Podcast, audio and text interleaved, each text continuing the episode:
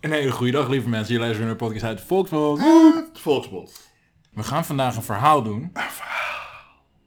Van, van Asopus. Een Asopusje. Jazeker. En Hey. dat is onze favoriete sprookjesverteller. Dat is wel een echte man. Het is een fabulist.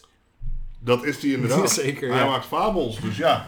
En dit is een zeer kort verhaal. Het is een verhaal uit Italië. Zoals eh Asopus bekend uit staat, we hebben hier vaak discussies over gehad. Het is een verteller uit Griekenland. Maar alle verhalen van Asopus komen Uit Italië. uit Italië om een reden. Because that makes a sense. Yes. Eigenlijk niet, maar Nee. geeft niet. Dat geeft zeker niet. Eh, verteld is ongeveer twee minuten, dus we gaan er echt flink hard doorheen eh, vliegen.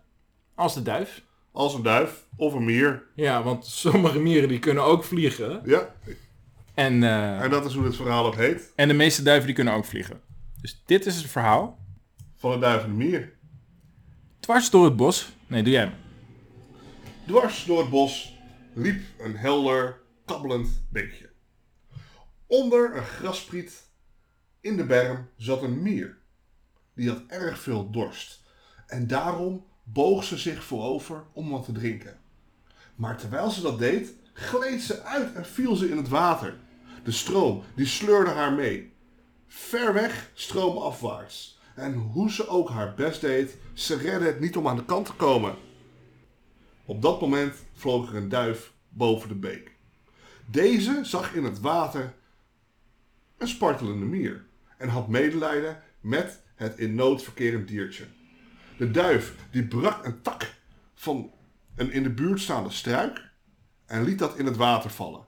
De mier die aarzelde geen moment en klauterde vlug op het takje en bereikte zo veilig de oever.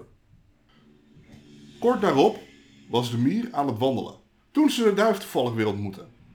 Een jager stond op het punt de vogel in een groot net te vangen. De mier, die zag wat er ging gebeuren, stak de man in zijn hiel. Deze gaf een gil van schrik. Huh! En de duif, die hoorde het en werd bang en vloog weg. De ene dienst is de andere waard. We hebben veel sprookjes van Asopus gedaan.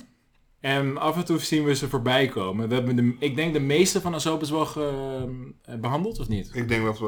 eh, We hebben er echt een hoop gedaan. Echt heel veel al. Ik denk dat we vaker langs dit verhaal zijn gekomen. En ik denk dat we het vaker getracht hebben, maar niet gedaan hebben, omdat er geen dialoog in zat. Dat zou best wel kunnen. Dat doen we eigenlijk bijna nooit. Dat we angstig waren hiervoor. Ja, ja. I- dit doet mij denken aan eh, die kleine beestjes, hoe heet ze ook alweer? Mieren. Ja? Dat zijn leuke beestjes. Dat zijn van die kleine knabbeltjes. Ja, en van die, eh, van die huid- houtduifjes, hè? Ja. Denk je dat dit een houtduif was of een tortelduif? Ik denk dat dit een eh, houtduif... Deze gebruikte hout. Dus het zal waarschijnlijk een houtduif zijn Dat is geweest. inderdaad wel leuk, daar had ik niet eens aan gedacht. Ja. Nou, eh verhaaltje uit Italië, super kort, super krachtig. Kort, maar krachtig. En er zit een, ehm, een message aan. Ja. Er zit een moraal in dit verhaal. Ja. Wat het is, moet je me niet vragen. Maar er zat er eentje Nee, in. iets met, met takjes en met, eh, met jagers.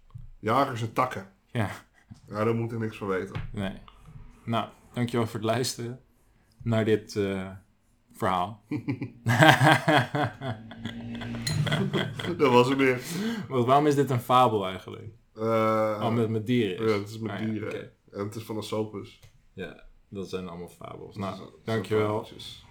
Sprookjes top 100, nummer 28. Hey, ik weet niet of die zo boep, boep. hoog is gekomen, maar ja. Nee. Sopus heeft betere dingen gemaakt. Ja. Toch Doei. jammer.